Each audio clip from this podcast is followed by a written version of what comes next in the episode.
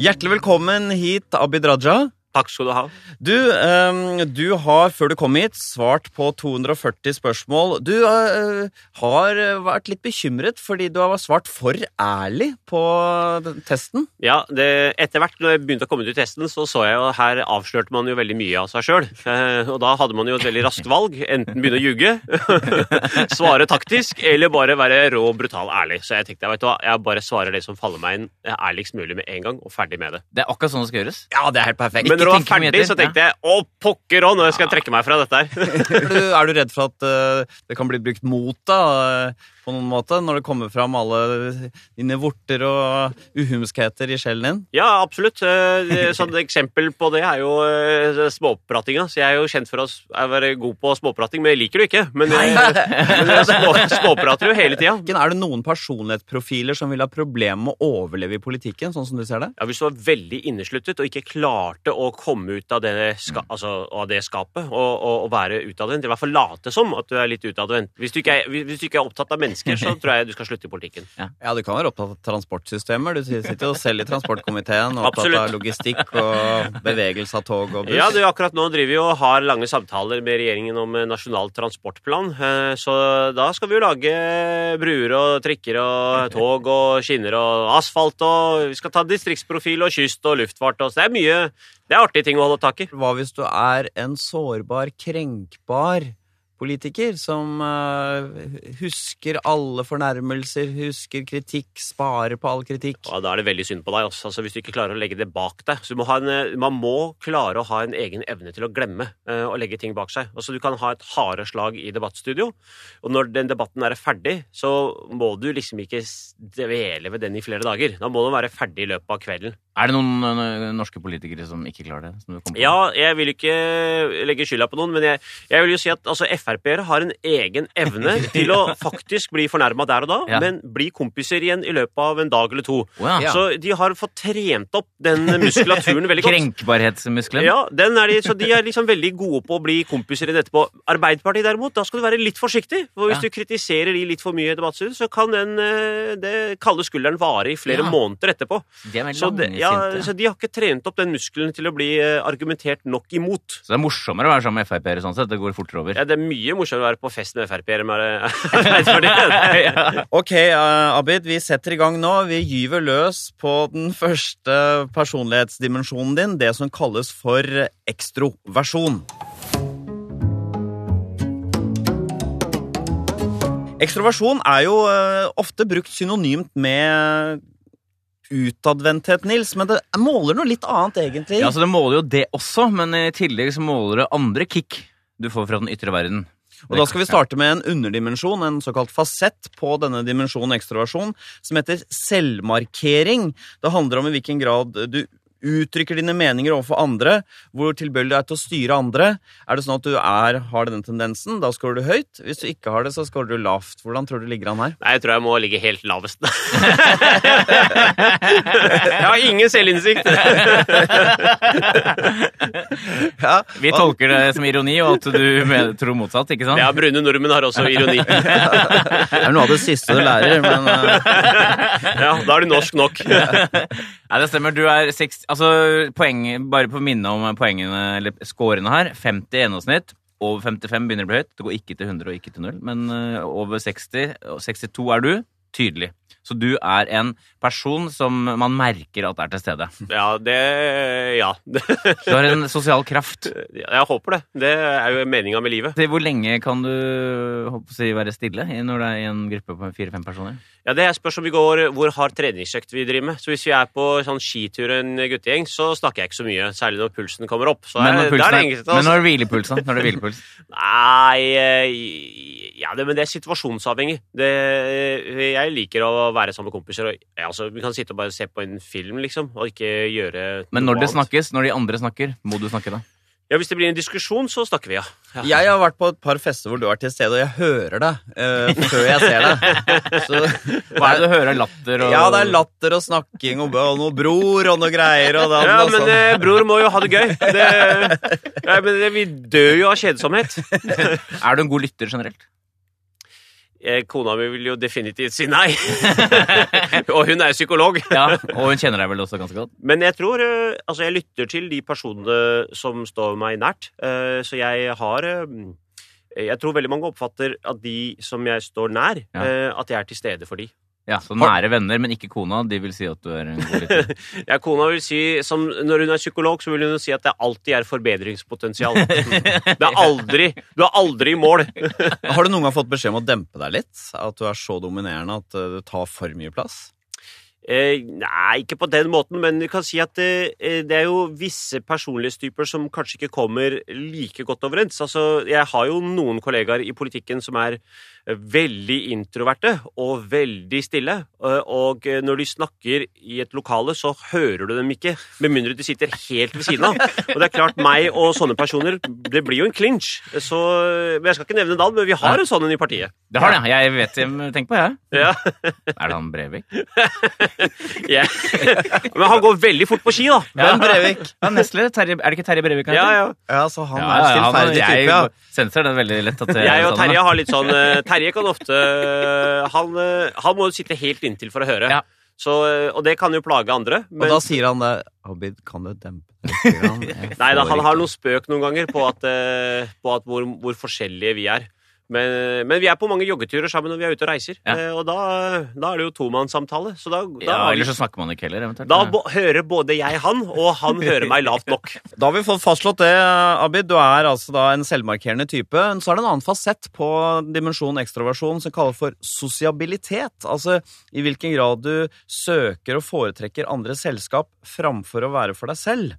Hvordan tenker du her? Er du en som får mye energi av å være sammen med andre, eller? Ja, det er, det er litt sånn begge deler. For det, jeg, eh, det, kan være litt sånn dagshumøret mitt som kan ha bidratt til at jeg har svart eh, litt sånn som jeg kan, kanskje har svart. Men eh, For nå har vi hatt mye samtaler med regjeringa, og det er mange ting som skjer i politikken. Og da, da, men Man kan være påvirket av mange. Men jeg, poenget mitt er Veldig ofte så søker jeg å være sammen med andre folk, og trives veldig godt med det, og, og, og liker meg eh, i sånne settinger. Men eh, det, det som kanskje mange ikke vet, er at jeg liker faktisk å være ganske mye for meg sjøl også. Og det jeg elsker mer enn noe annet Det her kommer liksom Brune Nordmann ut og skal være sånn veldig veldig norsk. Det er å være ute i marka.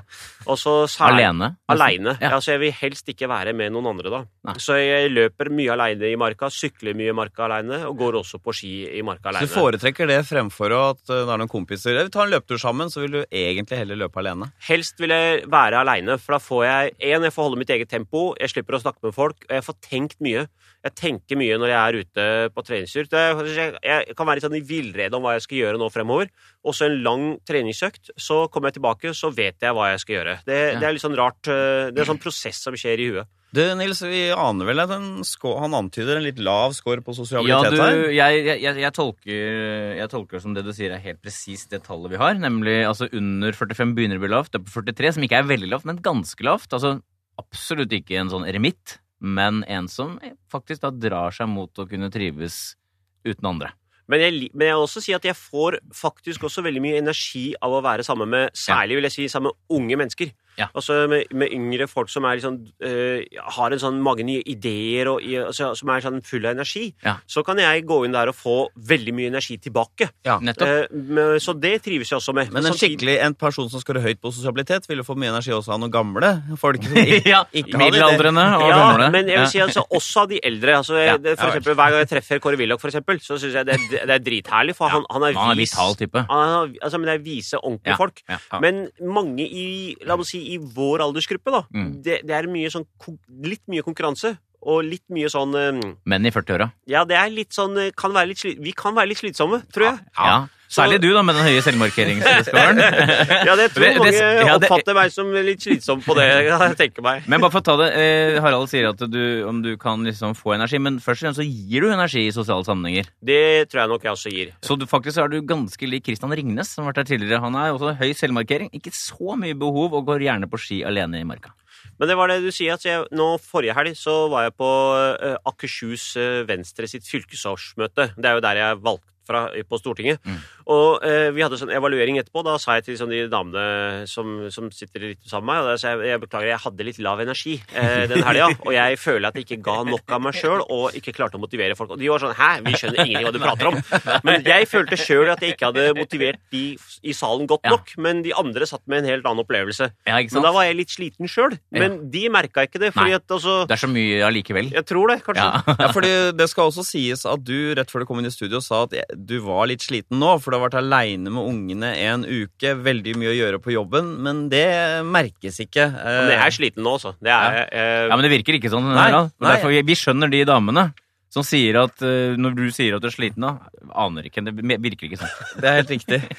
Altså I sum, Nils, er uh, Abid Raja en eh, ekstrovert eller introvert type? Han er det vi da kaller en eh, ambivert type, som da er verken introvert eller ekstrovert. Du er en fleksibel eh, Du er fleksibel når det gjelder tingene her. Du kan gå begge retninger. det er jo utrolig digg for helt Når du går en lang treningsøkt og bare liksom se på den utsikten og sitte her og ikke høre noen. Det er utrolig digg.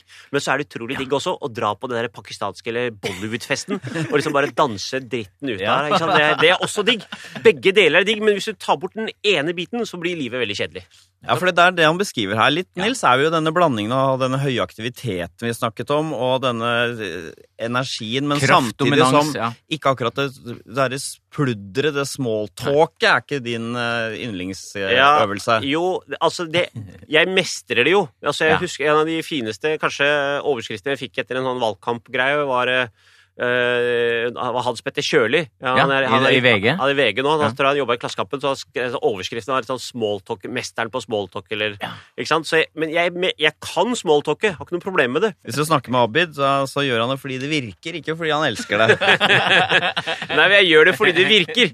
Ja, ja, nettopp. Ja. Og så er det jo riktig, men det er også fordi man er, øh, man er jo på hver sin måte dannet. Og jeg syns jo det at man kommer inn i en sosial setting og plutselig blir mutt stille og gjør det ubehagelig for folk, det er, veldig, det er litt lite dannet. Så jeg bidrar til å ha stemningen Pluss at det stemmer godt med din personlighet. Da. Du, har jo, du kommer jo lett til den situasjonen hvor du bare bidrar. Jeg bidrar, tar ansvar. Det er bra. Vi, eh, nå har vi dekket inn på en måte det, det som handler om energi, positivitet, sprudling. Nå skal vi inn i det mørke, Abid. Å nei. Ja. Nå skal vi inn i den personlighetsdimensjonen som kalles for nevrotisisme. Du hører på Sånn er du på NRK P2. Dagens gjest er stortingsrepresentant Abid Raja. Nevrotisisme handler jo i hovedsak om negative følelser. Det kan være angst, sinne, fortvilelse, sosial angst, stressfølsomhet osv. Og, og vi har lyst til å begynne med denne fasetten som heter angst. Tilbøyeligheten til å oppleve uro. Mm. Hvordan er det med det? Jo, det, det, det skal jeg være ærlig på. det. Jeg, har, eh, jeg kan ha en del uro knyttet til enkelte ting. Det, nå vil dette høres rart ut, jeg snakka mye med kona, hun er som, jeg, som kjent psykolog. Så hun prøver å si ja, ja, men dette må du jobbe med. Men jeg får jo unga ut av eh, for eksempel sant, ut av huset. Det, det er min rutine å få dem ut av huset. Eh, og, eh, men jeg ser etter de til de kommer seg ut av synsvinkel, så at jeg kan eh, Ja, du kikker, står i vinduet og Jeg ser om liksom de ikke har blitt kjørt ned av en bil, for eksempel. Sant? Ja, for du tenker sånn, du tenker sånn ja, tanker? det, jeg må si at som far så har jeg den frykten eh, Jeg skal ikke si kontinuerlig, for det høres, man høres jo helt gal ut, men det er veldig ofte at jeg tenker Har unga det bra på skolen? Har de falt ned fra trappetrinnene? Blitt kjørt ned av bussen? Mm. Og du hører det jo ofte altså Det skjer jo fra tid til annen ulykker i barnehagen, og ikke sant? Altså, folk fikk en snor eller sånn tau rundt halsen og, og så, så, så det, mange av de tankene, det, det, det kommer inn. Og så prøver, ringer ungene med om det er noe, for jeg er blitt forsinka på jobben, og jeg vet at de er hjemme aleine, og så tar de ikke telefonen. Så begynner jeg å tenke ah, har de ramla ned trappa? Ja, ja.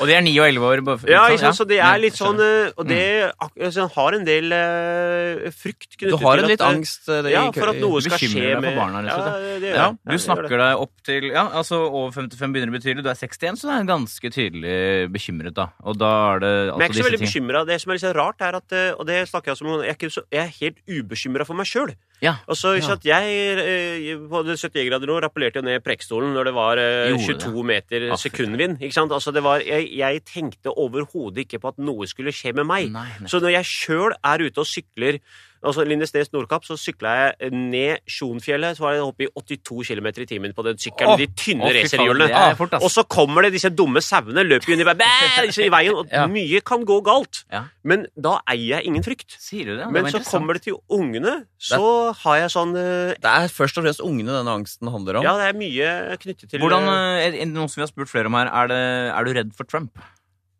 Ja, altså Jo I kroppen, i, i, liksom, i nervene dine? Kjenner jeg, nervene dine? jeg, jeg, har, jeg er redd for at eh, vi bare ser starten av det som har kommet. Altså, den mannen har eh, ikke helt skjønt dette Nei. maktfordelingsprinsippet, og har helt Nei. ikke skjønt demokratiske Men er det hodet eller kroppen din som snakker nå? Nei, jeg, det er egentlig mest kroppen, føler Ja, jeg. det er det. Altså, jeg, jeg er fryktelig redd for at vi kan få eh, ja, altså det, en større internasjonal katastrofe som følge av den politikken han på et eller annet tidspunkt vil sette i verk. Og, Ja. og han sitter tross alt med hånda på knappen. Men den angsten din, eh, som da være litt spesifikk, den går ikke på eh, sykdommer. Du er ikke noen hypokondertendenser, for eksempel. Nei, ikke for meg da meg sjøl. Det er jeg ikke. Men har du problemer med å sovne om kvelden fordi du uroer deg? Og... Nei, det er også mystisk, akkurat de greiene der. For at uh, jeg legger meg i senga, og pang, ferdig, så er jeg sovna. Altså. Det er, og det sier jo jeg har jo så jeg er veldig, Sånn sett er jeg veldig heldig, for jeg har en psykolog hjemme. Ja. Så ikke sant, altså, det Ja. evnen å glemme ting som har skjedd, og liksom kaste, og klare å sovne og gi liksom blanke i hva nå du har eh, går og tenker på, det er liksom en god evne til å komme seg helfriskt gjennom dagen og Men være er det frisk sånn- igjen til ny start. da. Men Sovner du lett fordi, fordi du har en psykolog hjemme, eller er det ville du ha sovnet eh, godt uansett? Nei, jeg sovner faktisk ganske Jeg sover egentlig ganske greit. Ja. Det, det Men når er- du, du har fått noen trusler uh, iblant fra Ja. du, Fra hvor da? Eh, Ja, det var, du hadde en uttalelse om at du, du, du, det var noen som hadde blitt eh, trakassert på Grønland, eh, Mm. og da reagerte du på den som hadde trakassert, og sa jeg blir kvalm av sånne folk. ja, ja. Og så fikk du noen, en kjent islamist som sendte noen meldinger til deg. Mm. Blir, du, blir du redd da? Ja, det gjør jeg faktisk. Altså, selv om vi fremstår som Vi politikere skal jo aldri Jeg snakka om dette med innad med noen politikere i både partiet og andre partier. Mm. Og da alle politikeres råd er du, er du må ikke si at du er redd. For at eh, Men jeg, skjønner ikke Hvorfor skal vi late som at vi ikke blir redde? Det er naturlig å bli redd av det. Altså Når en islamist som har vært nede i Syria og kriga, er villig til å dø og drepe, altså er villig til å gjøre dette og har gjort det, så er spørsmålet øh, øh, hvorfor skal ikke vi bli redde? Så når en sånn islamist står frem og sier at øh, du nærmest bør drepes, at noe bør skje deg, øh, og oppfordrer kanskje andre indirekte og direkte til å gjøre noe, så klart øh, det blir man engstelig over. Også... Ja, det, så- kanskje grunnen til at man ikke skal si det, er at da har- virker det som det har en effekt. Tror du ikke det er en sånn vurdering? da? Jeg veit ikke, altså. altså Jeg er den første til å skjønne at du blir kjemperedd. Jeg hadde blitt livredd av Det jeg tenkte- jeg orker jeg jeg ikke å gå rundt og si nei, jeg er ikke redd. Altså, hvorfor Så du sa du var redd, da? Ja, men altså, jeg anmeldte fyren jeg, til eh, Ja. politiet. Så eh, de eh, driver og etterforsker saken rett borti her. Altså P Ja. PST. De driver og PST driver og etterforsker saken. Så det Men det er ikke sånn Jeg går ikke rundt og er Jeg er ikke sånn Jeg, jeg er ikke gru... Kikker deg ikke over skulderen når du går Nei, det, det Men jeg, jeg Ja, i perioder så gjør man faktisk det. Ja, det gjør det. Så, så når det er i sånn stort demonstrasjonstog, for eksempel, så Litt kaotisk situasjon, mange folk, roping. ja, men mange ting kan skje. Så det jeg tror det å være, det å være sånn helt ubevisst over ting, det tror jeg bare er naivt. Ja. Er det, er det, er Men jeg var altså jeg, var- Og så er jeg mye i skogen, da. Ikke sant? Ja. Jeg, så, så en av mine største frykter fra jeg var barn, har jo vært egentlig hund.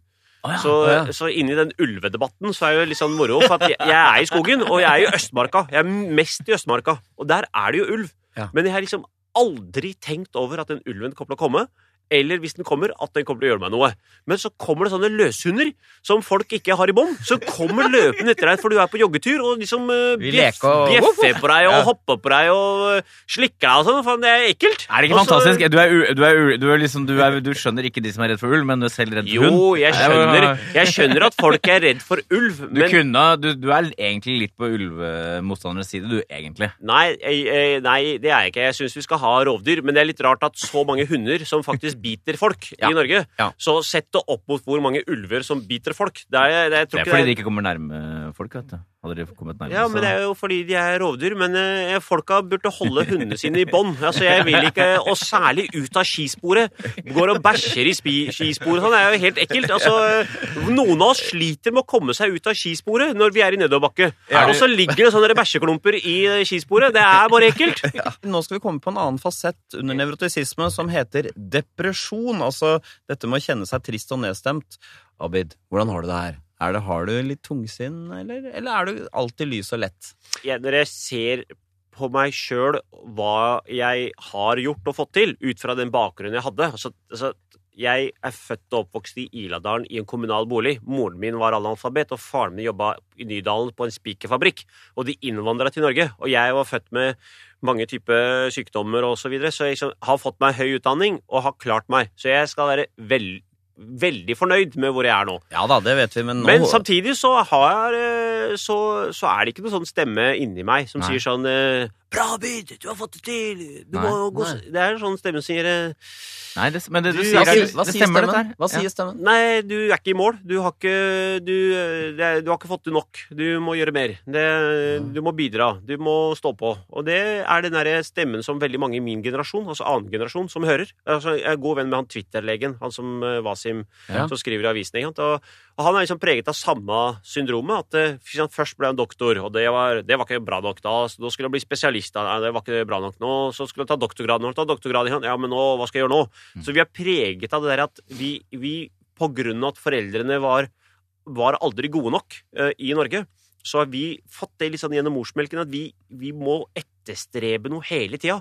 Så det derre bli fornøyd, komme et sted og si ah, nå er jeg fornøyd, nå er jeg i mål, nå skal jeg ikke Så andre generasjons innvandrere har høyere hva skal jeg si, depresjonsscore enn andre i Jeg tror ikke de har depresjonskår, men jeg tror de kan lett bli deprimerte hvis de ikke ser at de lykkes med prosjektet de er i ferd med å gjøre. Og ja, så Derfor vil Venstres eventuelle ikke-lykking prege deg mer enn kanskje andre Venstre-medlemmer? Ja, jeg da? tror det. Jeg tror mange i Venstre kan kanskje tenke på Ja, ja, men dette er jo bare politikk, det er ikke livet. Ja. Uh, Ja, for ja, deg så er det det. Nei, nei det var litt, nå er overdrevet jeg litt. For at det, det, det er ikke sånn at politikk er livet. Men det, det er klart, det er et viktig prosjekt for meg. Hva, hva er Abids eh, score på depresjon her, Nils? Ja, den er da, den er da over 55 begynner å bli høyt, og, og du er over 60, 63, så er det ganske tydelig høy score her. Det betyr jo da eksempel at du kan føle deg litt sånn nedstemt, da. Ja, eh, ja det syns jeg var litt høyt i forhold til altså, Ja. jeg, jeg vil ikke si altså, Jeg tror kanskje ordet deprimert her er litt feil, men det kan være Ja, men det er ikke, Ja. deprimert, det er ikke deprimert i litt sånn Det er bare at eh, ting føles syk- kanskje, ja, ting kan, Det er ikke deprimert, nei. Kanskje mer sånn en tomhetsfølelse. tomhetsfølelse. Tristhet. Ja ja, Jeg tror jeg var litt sånn Jeg tror jeg kan, jeg kan ha vært preget av Jeg er litt preget akkurat av den politiske situasjonen. Ja. Og på landsmøtet nå, i april, øh, så skal vi lande dette spørsmålet som heter regjeringsspørsmålet. Og det preger oss alle Ja, okay, på sånn, ja. mange måter. Ja vel, så, vi, så vi ligger under sperregrensa, og vi ser liksom ikke helt Så hele hvordan- Venstre er litt høy på depresjon for tida? Det det det, altså. Så det er ikke sånn at du når du går alene er alene, så kan du kjenne på sånn Hva er egentlig meningen med dette her? Eh, Jo, det eh, Ikke nødvendigvis meningen med livet. Det har jeg fundert lenge over mange Ja. ganger. Eh, men nå, er- nå er det liksom litt lettere, for nå har jeg barn. Og Ja. det gjør det litt sånn Jeg lever også for meg sjøl. Man skal ikke si at man lever bare for barna, men Mm. man lever også for seg sjøl. Mm. Men, men det er klart man Jeg stiller mange ganger spørsmålet har jeg gjort rett valg, for eksempel. Ja. Altså, jeg hoppet jo Jeg var jo advokat, og så var jeg jo diplomat i India når jeg slutta der og kom tilbake kom inn i politikken. Mm. Så jeg stiller jo spørsmålet eh, ofte. Var det lurt? Var det lurt å kaste bort eh, Mm. Ja. Jeg hadde 10-12 års eh, arbeidserfaring fra justisfeltet. Var det riktig valg? Og så tenker man jo over Og det er ikke unaturlig å bo i et sekulært samfunn som er eh, hovedsakelig ikke-troende, selv om vi er kristne. Mm. Så, så er jeg jo født i en muslimsk familie sjøl. Så liksom, som muslim så tenker man jo også over Gud og, liksom, og et sekulært samfunn. Har vi Gud, og finnes Gud? Og det gjør jo at man, man, man tenker eh, altså, livet etter døden og, Ja. og så videre. Så det er mange sånne ting som man Så du, du kan gå de tankebanene og tenke sånne ting? Og det gjør jo at man kan bli litt vel mørk inni seg Ja. hvis man bruker for mye tid på Ja. det. Og det er ikke alltid det er lurt å gjøre. F- f- Tanke på at det ikke finnes noe Gud, at det ikke finnes noe etterliv, gjør det deg sånn trist og nedstemt? Ja, hvis man liksom tenker tanken helt ut og, og, og, og velger å legge darwinismen til grunn, og så liksom, fra jord har det kommet, og så skal du bli til jord, og ferdig med det, så er det jo litt trist. Eh, samtidig så er det jo litt digg òg, for da kan du tenke sånn at men da skal jeg gjøre best ut av det livet jeg har nå, Ja, og, og så ja. er det ikke noe mer etterpå. Så da slipper jeg liksom å oppføre meg ikke-syndig og ha sånn skamfølelse hele tida. Da kan jeg gjøre akkurat hva jeg vil nå, og så er det ferdig, for da er det ingen som kommer til å straffe meg i evig ild og sånn etterpå. Men så er det litt sånn trist at du skal Ja. råtne bort Men, ikke kom, eh, sånn, Det gjør jo Det er litt sånn komplisert. Da skal jeg sjekke litt med Harald her, for han er ikke så høy score på dette her. Hvordan tenker du om disse tingene, Harald? At Du eh, skal bli borte og ferdig med det? Jeg tenker at uh, de enkelttingene jeg gjør, uh, oppdra barn og gjøre de rundt meg lykkelige og sånn, ikke er avhengig av det lange tidsperspektivet. Mm. Akkurat som jeg, det at jeg står opp i dag og pusser tennene og møter dere her nå, uh, blir ikke meningsløs bare fordi jeg bare har 30-40 år igjen på jorda. Nei, men du syns det er en litt sånn tom tanke, Abin? Ja, det kan være begge deler. Altså, eh, jeg må si Da jeg var litt yngre, så tenkte jeg mye over eh, dette. Og, og, og da føltes livet litt tyngre. Og tenkte at liksom, dette kan være slutten. Så, altså, altså ikke, det er ikke slutt, men når livet er over, så er det slutten. Det er Ja. ferdig. Mm. Uh, og det er liksom, litt sånn Når du virkelig tenker gjennom alt Nå skal jeg gå inn i en kiste, inn i jorda, og alt blir mørkt, og jorda kommer over deg. Der, er du, der ligger du, liksom, og er ferdig med det. Ja. Det blir man litt Det blir man ja, da, Man kan ja. bli litt engstelig over det, Ja, men ja. jeg er liksom over den fasen. Ja. Jeg har vært der når jeg var Ja, litt yngre. Ja, ja.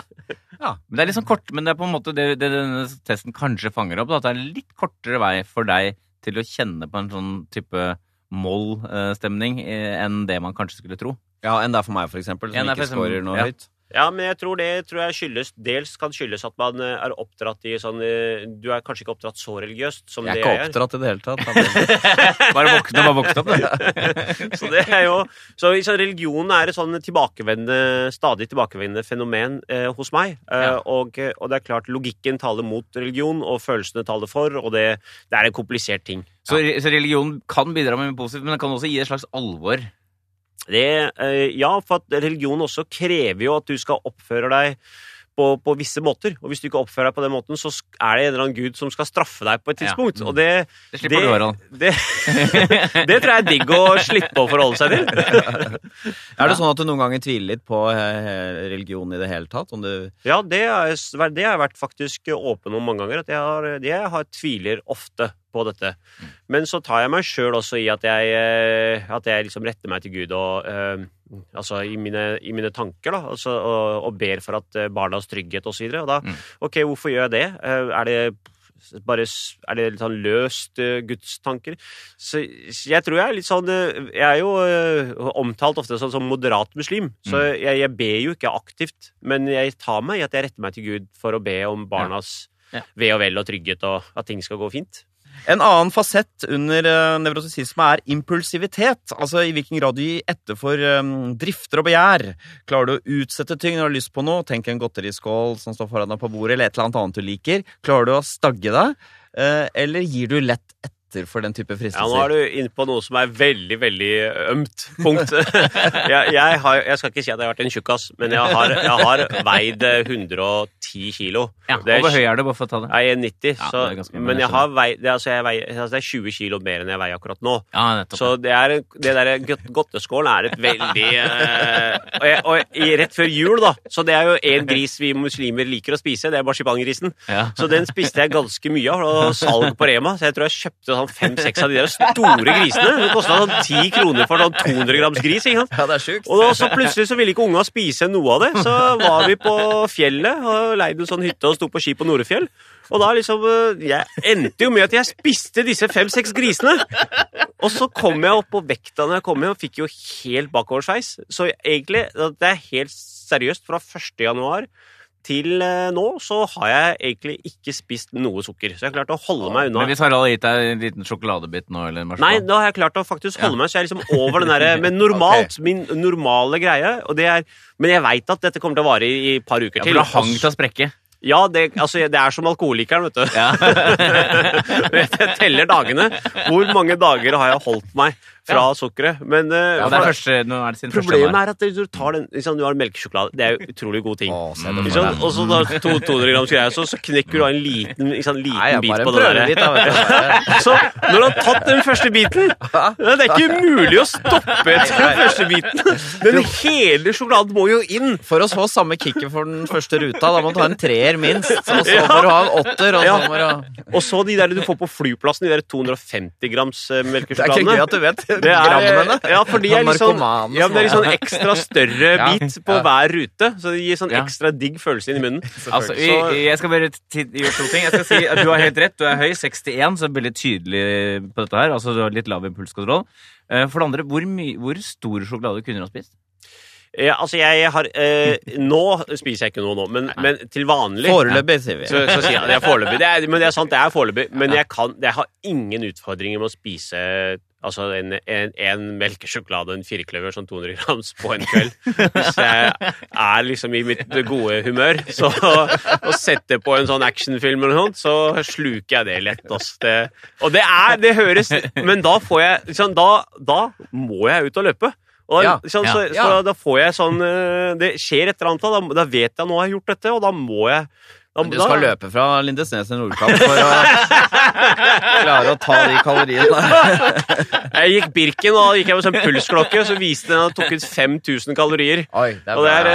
eh, men jeg skjøt jo det i meg når jeg kom til McDonald's. Kjørte det fra Sjusjøen nett ned til McDonald's på Lillehammer og skjøt jo det i meg før jeg kjørte videre. En fasett under nevrotisisme som vi ikke har snakket så mye om, Nils, er, skal vi gå litt nærmere inn på nå. Det heter sårbarhet overfor stress. Altså hvor mye du tåler at det er, foregår mye ting rundt deg, mas og kjas. Vil du si at du, du tåler eh, stress, eller eh, får du, blir du lett sånn hjelpeløs og får panikk når det, det står veldig på? Det, er akkurat, jeg, jeg, jeg tror at jeg har sånn god selvinnsikt på enkelte ting. Det, og det har lært meg sjøl å kjenne, er når det er lite å gjøre, så kan jeg nesten gå inn i sånn dvalemodus. Altså jeg kan bli eh, Når det er mye å gjøre, da? Altså, når det er mye å gjøre, så bare Det, det bare elsker jeg. Altså, Ja. det må være jeg, jeg trives mest når det er mest å gjøre, og eh, og det, det kjenner jeg tilbake fra altså advokathverdagen, hvor du har alle mulige baller i lufta. Og det kjenner jeg også som politiker òg. Jo mer jeg har å gjøre, jo mer effektiv blir jeg. Det er helt sånn Altså, det det, det er akkurat det er sånn digg å vite om meg sjøl. Altså, jo mer jeg har å gjøre, jo bedre leverer jeg på ting, og jo raskere leverer jeg, og jo faktisk så trives jeg med det. Det er, dette er en helt perfekt kombinasjon. Du har høyt tempo, eh, du får ting gjort, og du stresses ikke. Det er helt riktig. Du har lav score her, 38. Du, lar, du er ikke lettstresset i det hele tatt. Det blir ikke stressa. ass. Altså, det, Fantastisk egenskap. Det ser ser Ja, det er jeg på kona mi, og når hun er stressa, så øh, øh, altså, Hun er den som liker å slappe av på stranda. Ja. Men altså, når hun blir stressa, så ser du hvor tydelig stress det er hos henne. Ja. At det, at det, og det ser jeg på mange andre mennesker. At de blir, eh, ikke hun, men mange andre, blir sånn, litt sånn lammet. De får liksom ikke gjort noe. En god indikator for hvor sårbar man er overfor stress, er hva som skjer i en krisesituasjon. For Mm. eksempel, Mm. la oss si en trafikkulykke, da, Mm. som er, hvor det der skjer ekle ting og sånn. Har du opplevd et eller annet sånn farlig hvor du har håndtert det godt, øh, eller ikke håndtert det godt? Ja, så det, Jeg kom på to konkrete episoder sånn veldig raskt når du spør om det. Når du nevnte trafikken. Den ene var i India. Eh, Da var det 17. mai, og vi i ambassaden vi hadde leid oss en sånn buss. Og så skulle vi kjøre opp til eh, fjellet. Og det er liksom litt kaldere der oppe, så vi var jo nordmenn med barn og familier og sånn. Helt ny sånn funka buss med aircon videre. Kjørte ut av Delhi. Og 20 minutter etter ut av Delhi så havarerte den bussen. Og da er det jo krise, for at det er, det at det er 17. mai. Det er, det er 50 grader sikkert. Helt, i, eh, så vi må jo gjøre noe. Og det, jeg kommer ut av bussen, det første jeg gjør, er å begynne å praie en buss. Og så tenker jeg Ja. ingen buss stopper når en brun jeg ser ut som en inder ikke sant, i India, står og vifter på veien, så jeg er bare en gal mann. Så tar jeg tak i han Toralf som er hvit, så jeg kom Toralf! og så får jeg Toralf til å stå foran meg, rekke opp hånda di, så vi bare, så bare fikk tak i, Ja. vi stoppa bussen, fikk dytta nok folk frem, fikk oss inn og fikk oss frakta. Handlekraft. Så- Det var handlekraft. Og så var det på den sykkelturen som jeg nevnte, Lindesnes Nordkapp òg. Vi hadde en sånn ulykke og en person som eh, var uheldig å sykle på en stein og falt eh, rett inn i autovernet og svimte av. Og det, da merka jeg at liksom veldig mange gikk i sånn type mm, hva skal man si, en sånn lammelse. Mm. Hvis det ikke Men det var sånn der, jeg, Da våkner du. Ja, så jeg spratt ut av den sykkelen, og Ja. jeg, husker, jeg husker dette veldig tydelig. Og så kompisen var jo med meg, og så fortalte jeg liksom, så jeg, jeg ropte på han 'ta opp mobilen, ring til ambulanse'! Ja. Liksom stoppa trafikken på den andre sida. Er det noen som vet hva liksom. Så kom det en lege til. Så heldigvis vi var heldige, var en lege i en bil som satt bak. Så alt gikk veldig bra. Men Ja. jeg merker da at når det skjer en sånn krisesituasjon, så går ikke jeg inn i en Blir ikke lammet, Nei. men du får en sånn øh, Ja, sånn øh, Du får sånn ekstra kraft, egentlig. ja, når det altså, no, man må jo man, man kan, Det er jo sånn Det er jo sekundene teller jo eh, på de, Når du havner i en krise, så må Mm. du liksom uh, være veldig kvikk i huet og, og Ja. reagere, ikke bli lammet. Sånn snakker en med en så lav score. Ja, det er interessant å høre. Så på nevrotisisme så har du noen eh, litt uh, høye score på angst og depresjon og impulskontroll trekker opp, men sårbarhet overfor stress trekker ned. Så i snitt, Nils, er Abid et nevrotisk menneske? Nei, altså vi kan også legge til at han har lite sosial angst. Så det er kanskje ikke så overraskende. Nei, det Så, har jeg egentlig ikke. nei, så i sum så er du egentlig helt midt på treet. Ja. Du er verken eh, nevrotisk Gjennomsnitt. eller ikke nevrotisk. Gjennomsnittsmenneske, altså. Ja, Så langt er du veldig gjennomsnitt. Gjennomsnittlig ekstrovert, gjennomsnittlig nevrotisk. En annen eh, interessant personlighetsdimensjon er det som heter åpenhet. Hvor åpen man er for nye erfaringer, for nye ideer, for fantasi. Åpen man er for følelser, den type ting. Nå skal vi finne ut Abid Rajas score på faktoren åpenhet.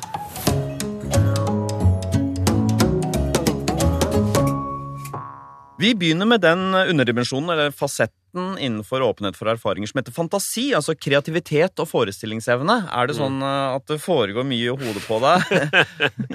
at du, tankene dine løper av gårde? Eller er du en ganske jordnær type som tenker veldig konkret? Og... Ja, Som barn så eh, det, Jeg bare eh, Altså, jeg drømte meg bort, altså. Jeg var eh, jeg, jeg fløy rundt og trodde jeg var eh, Supermann og Batman og Når du gikk til spikerfabrikken, så var det Åh, jeg jobba på Spikerfabrikken. faren min er i Nydal, og det hata jeg. Men jeg, jeg kunne sitte i, ligge i parken på ryggen. Så det diggeste jeg visste, var å ligge liksom der på gressplenen og så se opp i lufta, så kom disse skyene. Og så lagde jeg figurer ut av disse skyene med Ja. fantasien min. Og det var veldig sånn herlig tid å være. Og det har du fortsatt, den, den dagdrømmeriet det- Du kan bli tatt av den type tanker fortsatt. Ja, Det er sånn dumt å si at du sitter i en kontrollhøring med kontroll- og konstitusjonskomiteen om et eller annet viktig, og så driver han der som du driver og hører på og snakker sånn hel åh, ting. Så kan jeg være, plutselig være oss på snorkletur i, på Maldivene, og så, og så plutselig sier han et eller annet stikkord, og da er jeg tilbake. Ja, hva sier vi her, Nils? Ja da, det, det er 59, og det er ganske høy, rett og slett. Så på juss nå så husker jeg at disse foreleserne satt og foreleste om et eller annet manduksjon, og så holdt på med kontraktsrett og også lojalitetskonflikt i kontraktsforhold. Så var jeg å, borte, og så var det borte i ti minutter, og tilbake igjen. Ja, så du må, du må tilbake igjen. Ja, Og i sum så er du helt snitt på åpenhet også. Du er da høy på fantasi, i snitt på hvor åpen du er for å gjøre nye ting, litt lav på estetikk. Altså i hvilken grad du berøres av skjønnhet innenfor kunst og natur, da. Og litt lav på ideer. Men i snitt middels Helt gjennomsnittlig. Ja, gjennomsnittlig.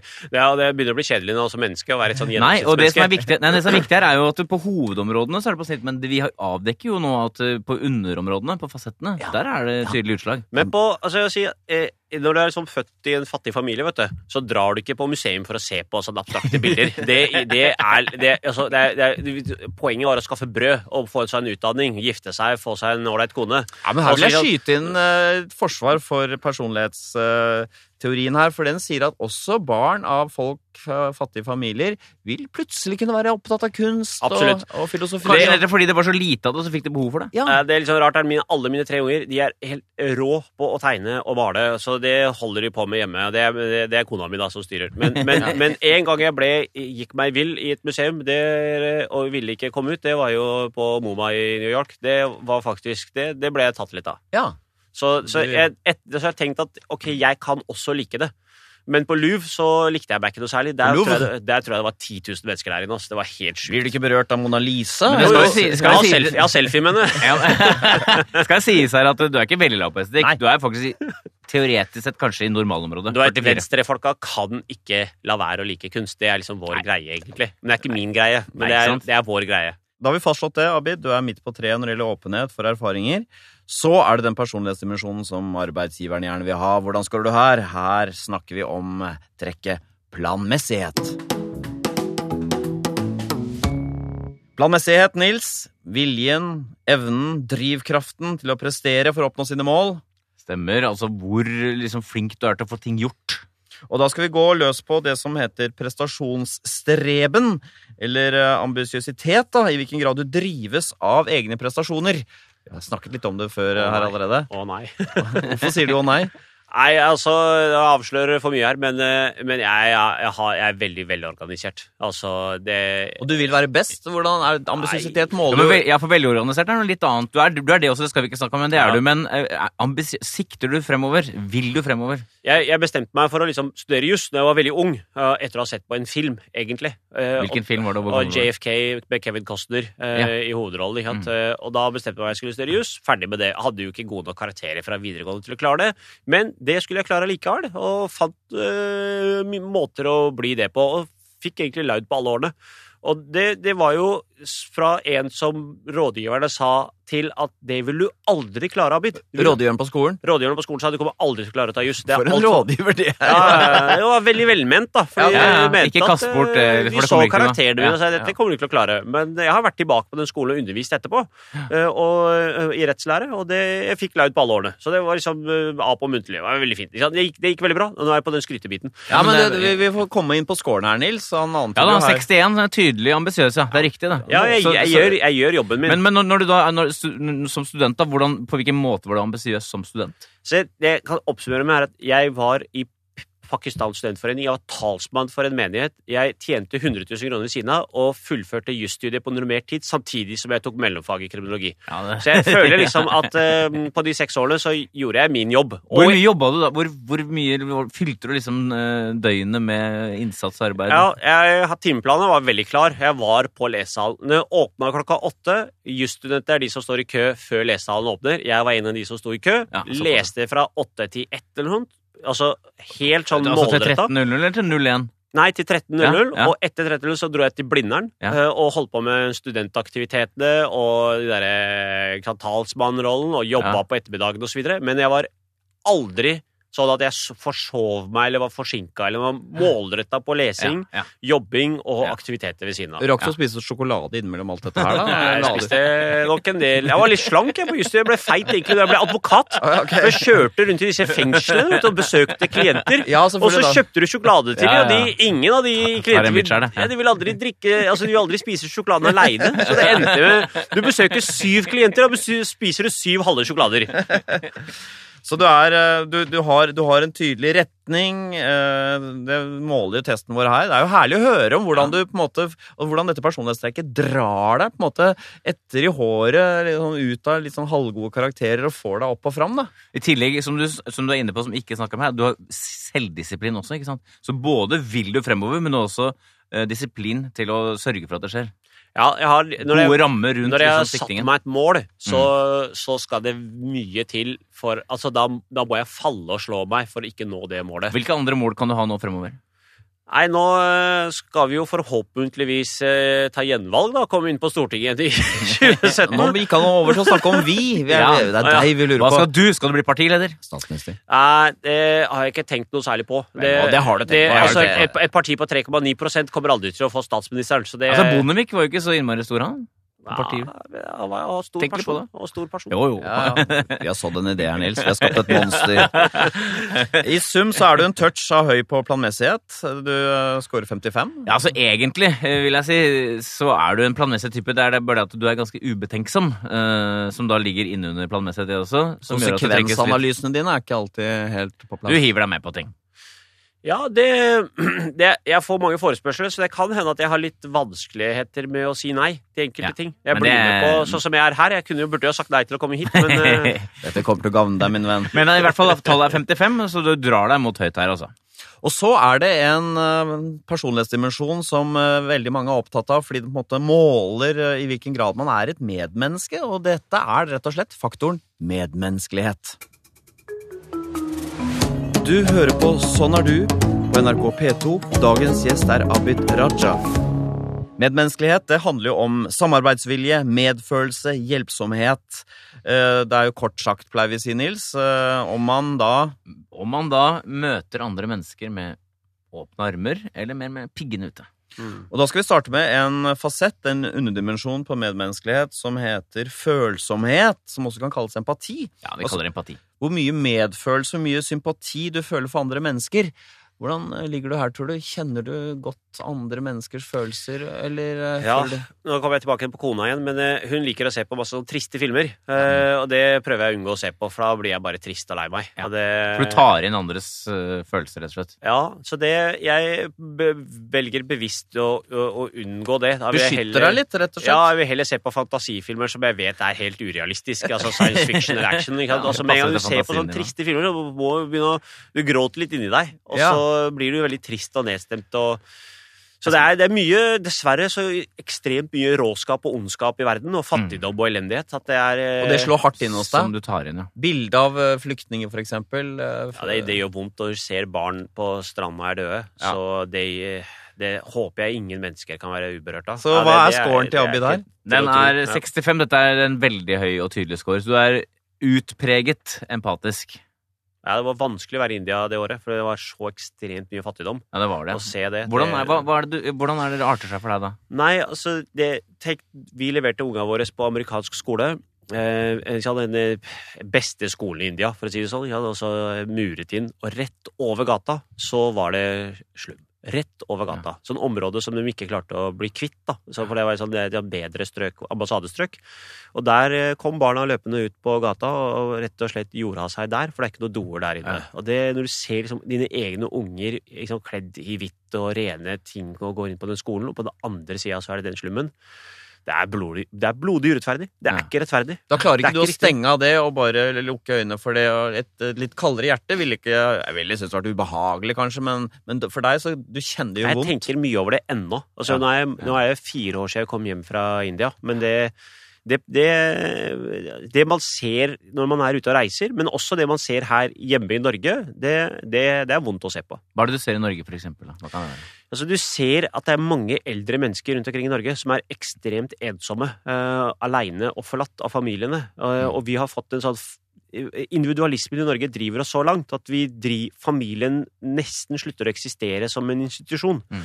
Og man blir stuet vekk på, eh, på sykehjem og eldrehjem og forlatt og ensomme for seg sjøl. Det er utrolig trist å se på, pluss det vi gjør med våre eldre. Og det er når, når de blir gamle og de blir pensjonist, så er det nesten ikke noe verdt. Og det er litt sånn rart, for det er da du har Kunnskapen din er på topp, erfaringen er på topp, jeg vil si visdommen er på topp, men du, vi bruker ikke dem til noe lenger. Mm. Og det er også veldig trist å se på som, som menneske, egentlig. Men, når, men øh, disse ensomme eldre, er du, er du reiser du rundt og møter dem, eller er det sånn? Jeg treffer jo veldig mange av de eh, gjennom politisk virke Ja. eh, også. Eh, men det, det, jeg synes det, er, det er en av de vanskeligste tingene å forholde seg til som politiker. Når du er i en barnehage og møter barn, så kan det være gøy å ha det moro osv. Når du er på et eh, treffer kanskje noen triste mennesker, da, så er det veldig vanskelig, syns jeg, å klare å takle akkurat det der og da. Hvordan, hvordan skal du vise empati uten, å, uten at det blir sant, at det blir tatt for sånn politisk gimmick? Jeg skjønner. Ja, for det er ektefølt, men du er redd for at det skal virke kunstig? Ja, at det skal virke sånn at man, folk tenker at dette gjør han bare for at han skal Ja. se bra ut i Ikke sant? Men for det er mye lettere å være i barnehage og være gøy med Ja, unga. jeg skjønner. Så når, noen politikere må kanskje liksom mobilisere den der øh, empatien, fordi at den ikke er der, mens du må på en måte nesten holde den litt i sjakk for at de skal virke litt sånn over det topp, eller?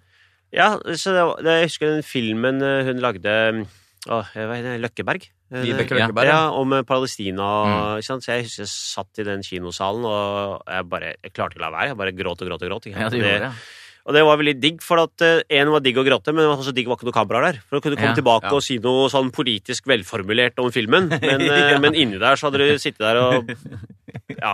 Det er tr- ja, ja. Ja, For politikere som ikke har den medfølelsen, da er det jo alltid at sånne mikrofoner fanger opp eh, når de har vært på gamlehjem. Få meg ut fra dette grisehuset med en eneste gang. Så egentlig mikrofonen ville fange opp dette er helt for jævlig. Dette synes jeg er fryktelig. og Åh, Sånn. det er helt jævlig, det er mange av de tingene. Hva med sånn uh, tigger og sånn på gaten? Klarer du å gå forbi dem uten å gi og sånn? Ja, det gjør jeg faktisk eh, i Norge. Eh, lar jeg være å gi. Eh, jeg vet ikke hvorfor, men i utlandet så gir jeg. Og i India så gjorde Altså når vi er i særlig når du er i ordentlig fattige land, så klarer jeg ikke å la være å gi, faktisk. Ikke mye, men litt til flere, ikke sant? Mm. Men i Norge så er det vi har et egentlig sosialt system som Ja. gjør at man skal kunne bli godt ivaretatt på. Og så er det mange dimensjoner knyttet til dette med tigging. Ja. Så vi vet også at det er enkelte mennesker Ja. som er blitt satt til tvungetigging. Liksom, Men jeg vil ikke forby det. Det, er, det må være lov. Og, og, det, og det er, det, når, du ser en, sånn når du ser en voksen dame eller mann sitte på sine knær og henda sammenknytt ikke sant, og, og rettet opp mot himmelen og står og tigger med en plakat foran seg så Du har ofret ganske mye personlig verdighet ved å Mm. gå ned i den posisjonen. ja, Og det har føler- du må ha respekt for at Ja. de gjør det. Så trenger du ikke å gi, men du trenger ikke å spytte på de heller. Nei, så du, Men du føler, litt, du føler litt med dem, da? på en måte? Jeg når føler, når jeg ser personer i den stillinga, så Ja. tenker jeg det er utrolig trist Ja. at de må sitte der på den Ja. måten. I snitt på denne faktoren medmenneskelighet. Du har en del høye scorer, men du havner litt på midt på treet likevel, eh, Nils. Ja, det er fordi at uh, det, som ikke, det som ikke er opp, da, er at du er sånn uh, gjennomsnittlig tillitsfull, ikke lav. Og så er du gjennomsnittlig beskjeden, ikke ubeskjeden, som kanskje noen skulle tro. Og så er du litt lav på det som heter rettfremhet, ikke helt sånn intuitivt ord. Det betyr at du, du er ikke sånn som alltid sier tingene som det er. Er du en taktiker? Ja, ja Altså, jeg, jeg, jeg er mer ærlig eh, og, og, og rett frem enn taktiker. Men, men, eh, men noen ganger så bør man også gjøre noen taktiske valg. Men jeg, jeg tror kanskje jeg sjøl tror jeg er mer taktisk enn det jeg egentlig er. Ja. Men, Ja. Ja. Men du driver liksom, du, du tenker at hvis jeg gjør sånn og sånn, så kanskje jeg får til det. Ja, men det har jeg lært i, gjennom politikken, hvordan du forhandler frem for eksempel et godt resultat ut ifra hva du sjøl vil. At du må gi enkelte ting for å få noe annet. Mm. Eller så får man få Dessverre, politikk er litt sånn. Du kan ikke få alt på en gang. Du må gi noe. Og da skal- ja, skal later man som kanskje noen ganger at Ja. noe er veldig, veldig viktig for deg. Ja. Og så går du kanskje litt grann ned Ja. og gir deg på det likevel, mot å få noe annet. Men da skal jeg gi deg en liten sånn, du skal få en liten quiz her. Altså, Vi har to politikere her. Eh, Den ene er lav på rett fremhet, altså taktisk. Og den andre er høy på rett fremmed, altså ikke så taktisk, men sier ting rett ut.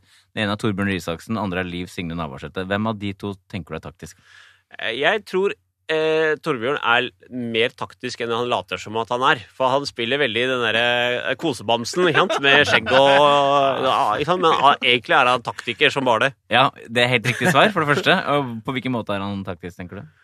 Nei, altså øh, han, han spiller veldig godt på det. Mm. At han ikke er taktisk ikke? Mm. og er uh, genuint sånn intellektuelt opptatt av sakene. Mm. Uh, og, og fremstår heller ikke som den taktikeren. Eh, så jeg tror det der skallet han har laget, er at han er en sånn koselig, hyggelig Ja, ja, ja, gutt, liksom. Men han er råere enn han ser ut som. er er råere enn han ser ut som. Er det Liv Signe Navarsete? Hun er ikke så taktisk, kan du se det?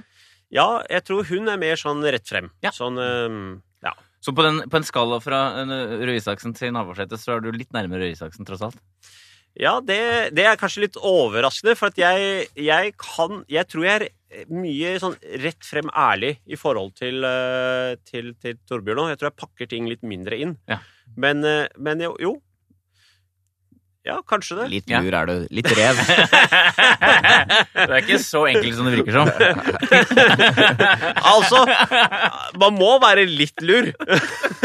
Ok, Abid, vi har kommet til veis ende. Vi skal nå uh, oppsummere personligheten din, prøve å sette alle disse faktorene og fasettene sammen. Her er fasiten om Abid Raja.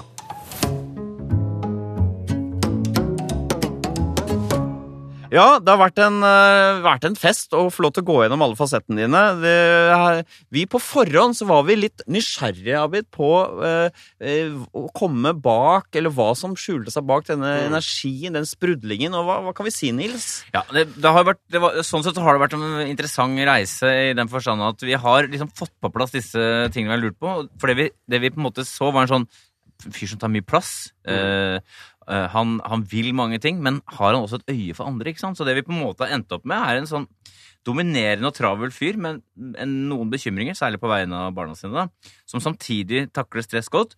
En slags ambisiøs dagdrømmer som har hjerte for andre. Så du er ikke en ubesværet livsnyter, mer en litt plaget livsnyter. Du var på forhånd, Abid, litt sånn redd for, for at du kom til å bli avslørt. Hva tenker du nå? Er du blitt avslørt? Ja, delvis eh, så er jeg jo det. Eh, Men jeg jeg vil jo helst ikke at folk skal tenke at jeg går rundt og er plaget og, og tenker over sånne ting og sånn. ikke sant? Men, men det er klart, jeg tror alle tenker over en del ting. Men det er Ja. ikke sikkert alle liker at folk skal tenke at de driver og tenker over de tingene. Nei, jeg skjønner det. Du vil Men- heller eh, være gladgutten som Jeg får syns til jo ting. det kommer fram som det også. Det er bare du, du bryr deg om barna dine, og at du har litt som enkelte andre Barne, andre generasjons leger og sånn, så har du noen sånne litt tyngre ting, men det er jo ikke så mye. Og dere journalister som hører på, ikke stikk en mikrofon opp i ansiktet hans. Han er på besøk på gamlehjem. Da blir det Da blir det grin, ekte grining. Takk for at du kom, Abid. Eh, Fest å snakke med deg. Takk for at dere ville ha meg.